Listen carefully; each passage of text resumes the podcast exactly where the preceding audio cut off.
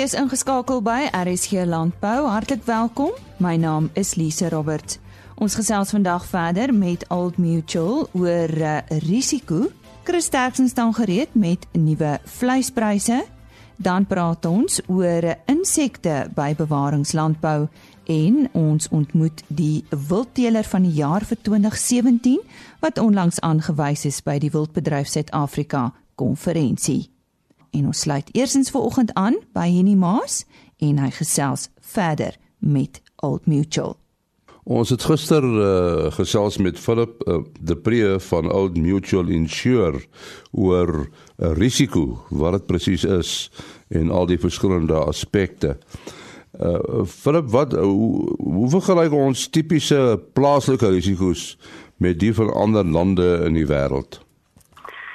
Wel, nie om mee te begin, ek dink ehm uh, weer eens uit 'n uit 'n politieke oogpunt is dit ehm um, kan ons nie werklik vergelyk met die res van die wêreld nie as ons net praat weer eens oor die land eh uh, eienaarskwesie. Eh uh, daar is baie ander lande waar hierdie glad nie ter sprake is nie. So dit is 'n dis 'n dis 'n ander wêreld. Die tweede een is klimaatomstandighede. Uh ons kan sê daar is wel oorstromings en vloede en droogtes in ander dele van die van die wêreld, maar in Suid-Afrika spesifiek aanbetref is dit 'n bietjie van 'n van 'n 'n perd met 'n ander kleur. Jy weet, ek moet dit vir jou noem uh, as jy gaan gesels met die met die res van die wêreld, hulle het die grootste respek vir ons boere in hierdie land. Ons boere is van die beste in die wêreld, ek moet dit vir jou sê, gegee die omstandighede waaronder hulle is.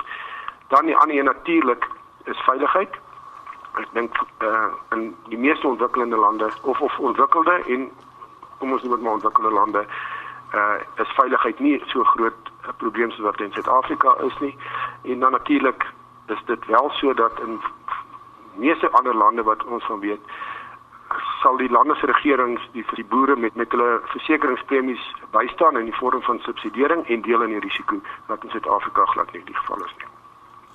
Nou Old Mutual Insure het sekerlik 'n uh, sogenaamde pasmaak benadering tot risikobestuur vir boere. So ietsie meer daaroor? Met 103 jaar ondervinding in die kort in landbouversekering, uh, sien ons onsself as een van die leiers in die mark. Ons het wel die oplossings wat ons aan boere kan bied in in die vorm van polisse en ons glo die risiko's wat boere aan blootgestel word word gedek in ons polisse. En wat is spesifieke tipes dekking is daar beskikbaar? Goed, ons het basies twee produkte waar ons mee werk. Die een is die Agri Plus en die Agri Wyn. Dit spreek die bateversekering van boere aan en dit bestaan uit 'n hele lys van ehm um, uh dekkings wat die boer volgens sy risikoaptyd kan uh, kan neem. En dan het ons aan die ander kant het ons 'n uh, 'n uh, oesversekeringspolis wat haaldekking aanbied uh, ons noem die haalpolis en dan ook 'n uh, alle risikopolis wat droogtes en vloede kan aanspreek. En en waarna moet die manne kyk uh, wanneer versekerings oorweeg word? Enie ja, dis een van daai moeilike vrae. In die eerste plek, ek dink dit is belangrik om te kyk na jou versekeraar, wat hulle agtergrond is, wat hulle ondervinding is in in landbou spesifiek.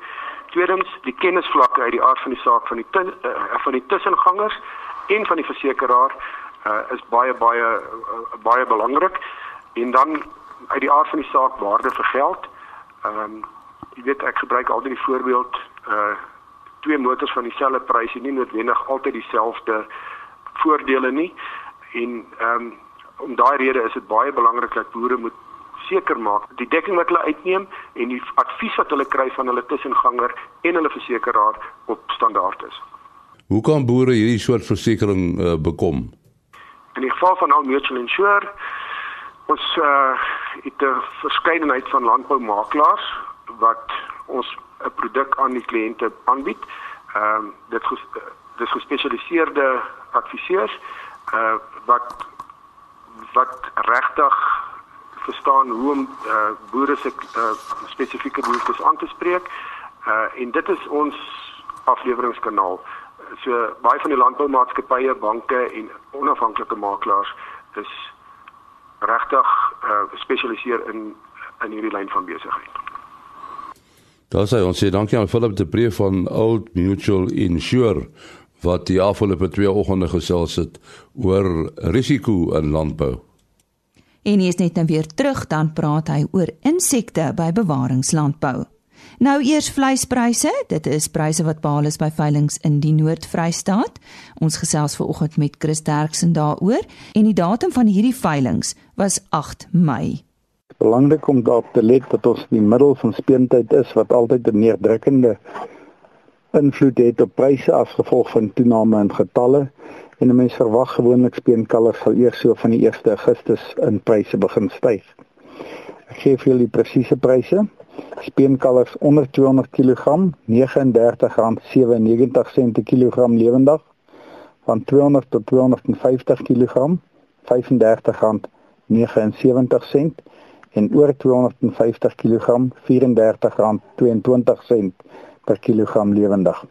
A klasse R26.71, B klasse R22.23, C klasse vetkoeie R21.58 en markkoeie het gewissel van R18 na R19.10 per kilogram.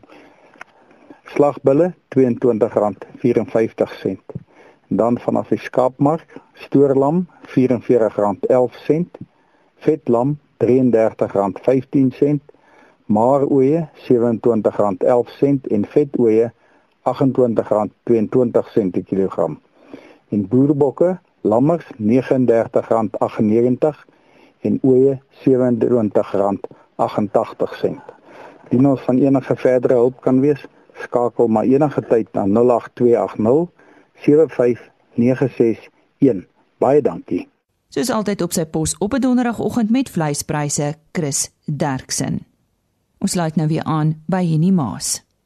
Ons uh, gaan nou gesels met uh, professor Johnny van der Berg van die Noordwes Universiteit en ons praat spesifiek oor biodiversiteit in die omgewing van graanproduksie en ook uh, die voordele wat insekte vir graanprodusente kan inhou mits dit reg bestuur word. Johnny, wat is die rol van insekte in in die ekosisteem? Wel, hierdie die insekte, jy daar's daar's honderde duisende spesies insekte wat voorkom en hulle hou die ekostelsel in stand en stabiel en hulle verskaf spesifieke ekostelseldienste. Byvoorbeeld, ehm um, bestuiving is seker die heel belangrikste een. Ehm um, die rol van insekte en dan is daar predatore en parasitoïde en so meer so ehm um, daar's 'n groot diversiteit en hulle verskaf ekostelseldienste wat die natuur aan die gang hou en ook die stelsel stabiel hou. Alles in ewewig en balans. Maar insekte kan problematies wees, jy weet veral nou in die landbousektor. Uh, op watter maniere word dit bestuur? Ja, hulle kan definitief problematies wees al is dit net enkele spesies uit die duisende wat daar net byvoorbeeld in 'n graanland voorkom of dit nou sojas of sorghum, koring of mielies is. Ehm um, daar kom duisende spesies voor, maar enkele van hulle bereik van tyd tot tyd plaag, uitbraak status en dan is dit 'n 'n probleem wat ekonomiese skade gaan aandig. So dan moet daai goed bestuur word. Nou die manier waarop 'n mens dit kan bestuur is natuurlik um, in die eerste plek in korttermyn onmiddellike oplossing is die gebruik van uh, chemiese insekdoders. Maar ons beveel altyd aan dat 'n mens maar moet na ekonomiese drinkelware riglyne kyk. Ehm um, want ons is so geneig om te gryp vir 'n spuitpomp die oomblik as ons 'n plaagspesie gewaar soos wat ons nou baie kere onnodig spuit vir hierdie nuwe vals hers ag hierdie nuwe herskomando worm wat ons het en daarvoor ons baie onnodige bespuitings doen. So chemiese beheer is is is dadelik die eerste een wat 'n mens aan dink. Maar dan is daar ook ander metodes soos ehm um, kulturele beheer om die omgewing ongunstig te maak vir die plaag ons kan geneties gemodifiseerde gewasse gebruik in die geval van mense en katoen kry ons BT mielies en BT katoen wat self die insekte ehm um, doodmaak as hulle dan eet. So daar's 'n verskeidenheid maniere om hulle te bestuur. Is daar ander maniere om die bestuur hiervan uh jy toe te pas? Wel 'n ander ander manier wat uh baie wat baie belangrik kan wees is biologiese beheer wat natuurlik 'n langtermyn oplossing is ehm um, waar mense dan as daar 'n plaag is wat uitheems is, sou teruggaan na die area waar hy vandaan kom en dan die natuurlike vyande daar versamel en hulle hier kom vrylaat nadat daar natuurlik baie navorsing en toetse gedoen is. So biologiese beheer is ook een. Maar in Suid-Afrika in graangewasse is die ekstensiewe stelsels wat ons het, is biologiese beheer nie 'n uh, baie belowende uh, opsie. En jou opinie oor die uh, sogenaamde geneties gemodifiseerde gewasse? Ek dink dit hou ook voordele in vir die landbou. Uh, as as ons hierso praat van die BT mielies en BT katoen wat ons in Suid-Afrika plant is die voordele wat dit in terme van biodiversiteit en, en omgewingsbewaring indoen uh, inhou is legio. Jy weet daar's um, data wat wys dat daar 'n miljoen kilogram minder aktiewe insekdodermiddel toegedien is oor die laaste klompie jaar en daar was 'n 66% afname in insekdoder toedienings op uh, BT mielies oor die laaste 20 jaar gewees. En dit die verminderde insekdoder toediening is net voordelig vir die omgewing. Want as daar nie insekdoder op die grond land nie, dan bewaar ons die grondekostelsel en in bewaringslandbou is dit ons eintlik die doel waarna ons streef is om die diversiteit en grondgesondheid so hoog as moontlik te kry. So ek dink die GM-gewasse dra definitief by tot 'n meer gesondheid gesonde boerderystelsel. Uh, en peste het natuurlike vyande, né? Nee? Ja, elke plaag het sy natuurlike vyande. Ehm um, ek dink daar so rympie wat sê elke vlooi het 'n vlooi en daai vlooi het ook weer 'n vlooi. So elke plaag het sy natuurlike vyande en ons sien dit nie uh so dit was nie want hierdie goedjies is baie klein. As ek nou dink aan parasitiese wespes, ehm um, jy daai goedjies is partymal 'n half millimeter groot en hy lê eiertjies binne in die eiers van 'n mot insekpla en so meer. So daar's baie natuurlike vyande en as ons bewaringslandbou so praktyke sou begin volg en dit meer gereeld en meer intensief doen, dan help ons juist daai natuurlike vyande aan. En uh sou jy sê sekere insekte se populasie het oor die oor oor oor die jare vermeerder? die siklusse is maar uh altyd 'n normale tendens by enige spesies of dit plante of diere of insekte is. Daar's maar altyd 'n op en af, jy weet, dis 'n seisonale tendens en in sekere ek dink veral nou aan die milistamrus het ons altyd gesê die uh milistamrus is 'n nat siklusplaag. In nat jare is die milistamrus of toprus altyd baie meer algemeen. So dit is maar seisonale siklusse uh daar's nie regtig een wat oor jare baie meer geword het nie. Maar wat ons bekommernis is, is die nuwe pla wat Suid-Afrika binnekom op 'n baie gereelde maat, soos byvoorbeeld die tamatiewurm Tuta absolute as sy wetenskaplike naam en dan natuurlik hierdie herfskomandowurm wat so jare en 'n bietjie gelede hier by ons aangekom het. So die nuwe plaas eintlik ons uitdaging en nie die wat ons al baie goed ken nie. En en hierdie hele ding van evolusie en die ontwikkeling van weerstand by peste. Dit dit is ook 'n probleem, né? Nee?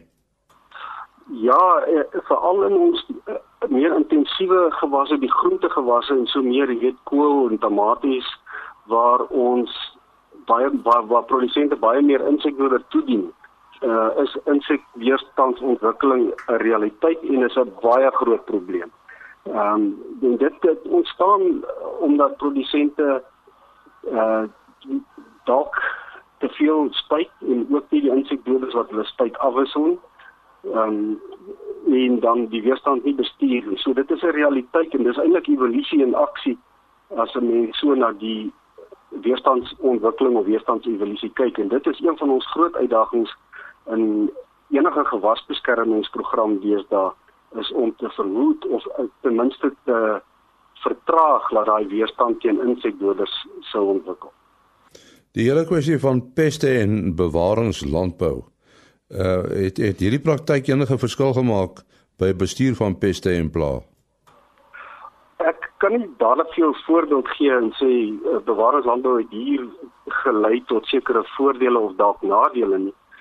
Ehm um, want dit is baie moeilik om dit te kwantifiseer jy weet ons probeer nou uh in hierdie geval ekonomiese waarde heg aan ekostelseldienste wat insekte verskaf. En ek dink die enigste plek waar mense dit regtig kan doen is as jy kyk na wat is die ekostelseldienste waarde van bestuiving van heuningbye byvoorbeeld. Maar uh, ons het nie langtermynnavorsing resultate wat sê bewaringslandbou beïnvloed hierdie peste en hierdie plaas so nie. Maar ons logika sê vir ons die ehm um, en bewaringslandboustelsels is daar baie meer predatore en ek praat nou hier van spinnekoppe en parasitoïde en goeie soos oorkruipers en so aan. So as baie meer van hulle en ons sien daar's minder plaas. So dit is 'n logiese afleiding wat ons maak dat die diverse stelsel in 'n bewaringslandboustelsel lei tot minder pla op jou. So so dit kan beter biodiversiteit meebring bewaringslandbou. Bewaringslandbou kan definitief beter diversiteit uh teweegbring in die grondstelsels. Jy weet die rede uh, die rede hoekom ek so sê is die feit dat daar minder geploeg word uh en daar's dalk bergklaag of daar lê gewas residue op die grond maak dat daar meer permanente nisse is vir al hierdie voordelige insekte. En ek praat nou hierso nie van 'n uh, kewer hier en daar of 'n uh, uh, springvloei of so iets hier en daar nie. Daar is letterlik 10000de van hierdie organismes per hektaar in 'n middeland en, en ons onderskat die waarde wat hulle vir ons gee. Ons onderskat die ekostelsel dienste wat hulle lewer in terme van ehm uh, die onderdrukking van pla wat vir ons natuurlik nou die belangrikste is. Is daar enige uh, opwindende navorsingsprojekte waarmee julle tans besig is? Ja, ja, ons is 'n uh, gedigte span uh, navorsers hier op Potchefstroom wat saamwerk op uh, die geïntegreerde plaagbestuur groep wat ons hier by NWI het. Jy weet Anemie Erasmus by die Landbounavorsingsraad en ons ons stryd om daar besig met stamrisperwerk en ook CA werk en dit gaan juist oor die biodiversiteit ehm um, binne die stelsel en dan is daar Annelien Plessis wat van my by die NWE is bestuurprogram oor die herfkomandowurm en oor die tomatieboorder ehm uh, tomatiewurm en insekweerstandsbestuur spesifiek by daai ene en dan 'n driekie vir natuurlik uit opwindende programme oor op alworms en nuwe spesies pla wat ons op grondwentjies gekry het onlangs. So ons het ons het 'n goeie klompie wetenskaplikes hier en baie nagraadse studente en ons het opwindende relevante werk wat ons doen. Nou ons hartlike dank aan uh, professor Johnny van der Berg van die Noordwes Universiteit. Dankie Henny en nou uh, gesels ons oor die wildbedryf. Ons gesels ver oggend met uh, Martin Skooman. Nou Martin Skooman is onlangs aangewys by die Wildbedryf Suid-Afrika konferensie as die wildteeler van die jaar. Nou Martin is van Sangoma Safaris. Martin, waar presies is Sangoma Safaris? Goeiemôre. Goeiemôre. Ehm um, dankie vir die geleentheid. Uh ons is geleë tussen Tabazimbi en Ellis Rush naby sentrum op die Matlabas rivier, uh so 90 hmm. km noord van Tabazimbi. En hoe het jy by die wildbedryf betrokke geraak? Weet jy, dis maar 'n uh, klomp jare terug. Ons is nou al amper 25 jaar in die in die bedryf. En uh dit was maar 'n liefde gewees wat van kleins af gekweek is en ehm um, my paal het eers grond gehad en uh, ek het betrokke geraak in, in dit en op 'n stadium het uh, ek en my vrou op ons eie gegaan en ons eie grond gekoop en dis maar deur die jag wat ou betrokke geraak het eers met Suid-Afrikaanse jagters en daarna het ons internasionale jagters begine gebruik en uh, toe intensief geteel op met jou skaarse mm, mm, spesies jy weet mm, mm. Ons gaan so 'n bietjie later by die teel uitkom. Uh waarop fokus julle op die plaas? Uh watter wild? Weet jy ons het uh swartwitpense, Zambiese swartwitpense, ons het buffels, ons het nyalas, ons het bastergensbokke, ehm um, en dan die hele verskeidenheid van gewone vlaktewild soos wat die mense dit nou enige iets van rooibok tot en met kameelperd. Mm. En hoe is jy in die algemeen by die wildbedryf in Suid-Afrika betrokke behalwe nou vir wat jy doen op die plaas? Weet jy, ouers maar lid van WRSA wat ehm um, jy weet uh, die Wildlife Ranching Association van Suid-Afrika is en uh ouers ook 'n geregistreerde professionele jagter want vir ons gaan dit maar oor die volhoubare benutting. Jy weet as 'n die dier nie 'n waarde het nie, gaan niemand na hom kyk nie. En dit dit is op die ou en die belangrikste ding, ehm um, volhoubare benutting vir ons. Hmm. Kom ons gesels oor daai wildteeling. Uh waarop het die beoordelaars gefokus of miskien moet ek begin deur te vra wie was die beoordelaars? Weet jy die beoordelaars is uh Pieter Ernst uh junior, ehm um, uh, Jacques Creek en uh Rodney Davey van Romaco Ranch. Uh, hulle is almal lede van ehm um, WRSA en hulle is al lank betrokke want hulle ouers is lank betrokke, klomp jare in die wildbedryf. So hulle weet waarvan hulle praat. Ehm um, Rodney Davey se uh, uh, ouers het self, jy weet, ehm um, wildboer van die jaar titel gewen. So hulle weet waarna om te kyk. Dis mense wat in die wildbedryf betrokke is. Ehm um, dis kom faktore waarna hulle kyk. Hulle kyk na jou rekordhouding. Jy weet, hou jy registers op jou teeldiere? Ehm um, dis stoediere vir ons eintlik maar net soos in die beesbedryf. Jy weet, uitsonderlike teelgenetika, 50 duim seibelbulle, ehm um, uh goeie koeie, jy weet met uitsonderlike horingmate en bouvorm en uh, dan kyk hulle na die gehalte van die diere, hulle kyk na jou kampopsette, ehm um, infrastruktuur, dis nogal 'n groot beoordeling wat plaasvind. Wat het jy geleer uit die hele proses uit? Weet jy, ek dink die die belangrike ding is uh die kwaliteit uh waarna die mense kyk. Die ouens, daar is nie meer leuke dink ek in die wildbedryf nie. Uh almal is op soek na goeie kwaliteit om hulle eie diere te kan verbeter. En dan die volgende stap is ek dink as 'n ou mense kan help um met hulle seleksie met mense wat eerste toetreders is, as jy hulle kan help en vir hulle verduidelik waar het ons fout gegaan toe ons net begin het, en laat hulle nie die duur skoolgeld betaal nie. Ek dink dis 'n dis 'n belangrike ding. Martin, ons het nou 'n paar luisteraars wat dalk glad nie wild ken nie en ook nie weet van teeling nie. Geef ons 'n voorbeeld as jy nou een van jou uh uh spesies moet neem en sê hierdie is 'n goeie spesies volgens uh verteeldoeleindes en kwaliteit. Uh waarna kan 'n mens op die oog af uh, kyk? Jong, om om 'n dier te selekteer op die oog af, dit dit neem maar tyd. Ou raak gewoond daaraan. Ehm um, jy kan sien 'n dier staan uit. Ehm um, vanselfsprekend is, jy weet, die kleur van die hare, die ehm um, gesondheid van die dier, die bouvorm, uh die horings word gemeet om seker te maak dat hy aan minimum vereistes doen. Uh dit is maar die groot ding want op so op sigselfsprekend wil 'n ou tog uh, goeie gene oordra. So jy soek uitsonderlike materiaal, jy weet, om mee te teel en dan sekere kombinasies ehm um, by ander diere te sit. Soos byvoorbeeld koeie met groot horingmates ehm um, maar wat nie wye horingmates het nie, soek jy 'n bul met vreeslike wye horing uh, punt tot punt afmetings. En dit kan dan weer in die nageslag ingeteel word. Dis maar waaroor dit gaan. Is jy waar jy wil wees op die plaas of uh, is jy nog op soek na ander uitdagings? Jong, ek dink dis wat ons aan die lewe hou, is om altyd 'n nuwe uitdaging te hê. Jy moet maar altyd 'n uh, 'n mikpunt waantoe jy beweeg. Ehm um, ek sou nooit vergeet toe ons begin het, het ek met twee buffels begin, jy weet, 'n uh, 'n uh, bil en 'n koei. En dan dink jy as ek net kan 5 hê, jy weet, en daarna dink jy ek wil teel tot 'n 10 hê en daarna wil jy teel tot jy 20 het. So ek dink dit die uitdaging sou nooit op nie. Jy stel maar vir jou ander mikpunte en jy gaan aan, jy weet. Ek soek om jou af te sluit so 'n bietjie motivering van jou kant af. Ek weet daar so 'n paar dinge teen julle tans. Ek dink maar aan die verbod op die uitvoer van wild na die Europese Unie toe ensovoorts. Ehm um, ek as as jy net vir 'n vir 'n jonger wildboer dalk uh, so 'n 'n paar woorde van motivering kan gee.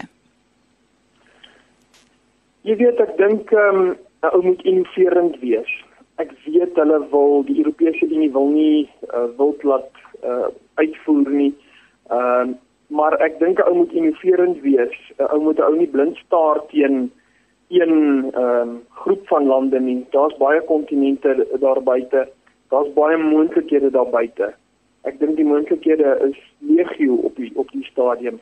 Ehm um, daar's vreeslike moontlikhede in die wildvleisbedryf want die mense selfs ons Suid-Afrikaanse mense het 'n wanindruk oor oor wildsvleis en dis baie, jy weet daar's daar's geen groeihormone, ehm um, antibiotika, al daai klas van goed wat gebruik word ehm um, in die meerderheid van die wild nie. Jy weet en sê jy nou 'n siek dier het. En ek dink die moontlikhede is is ongelooflik daar. En dis 'n uh, 'n goeie bron van proteïene vir Afrika en die res van die wêreld en dit moet net benut word. Nou sê daarmee baie dankie aan uh, Martin Skuman. Hy is vanjaar aangewys by die Wildbedryf Suid-Afrika konferensie as die wildteeler van die jaar. Daar was verskeie ander wildboere wat tydens die Wildbedryf Suid-Afrika konferensie toekenninge ontvang het en uh, ons het reeds met uh, die wildboer van die jaar Warwick Barnard gesels wat verlede donderdag uitgesaai is. Vanoggend natuurlik Martin Skuman en uh, ja, bly ingeskakel op RSG Landbou soggens want ons gaan nog met van die ander boere ook gesels.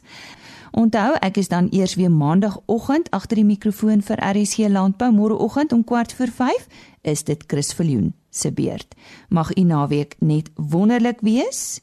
En uh, ons vertrou die reën wat reeds begin val het in die Wes-Kaap sal voortduur hierdie winter en uh, ja, mag dit met u net goed gaan. Totsiens. RSG Landbou is 'n produksie van Plaas Media.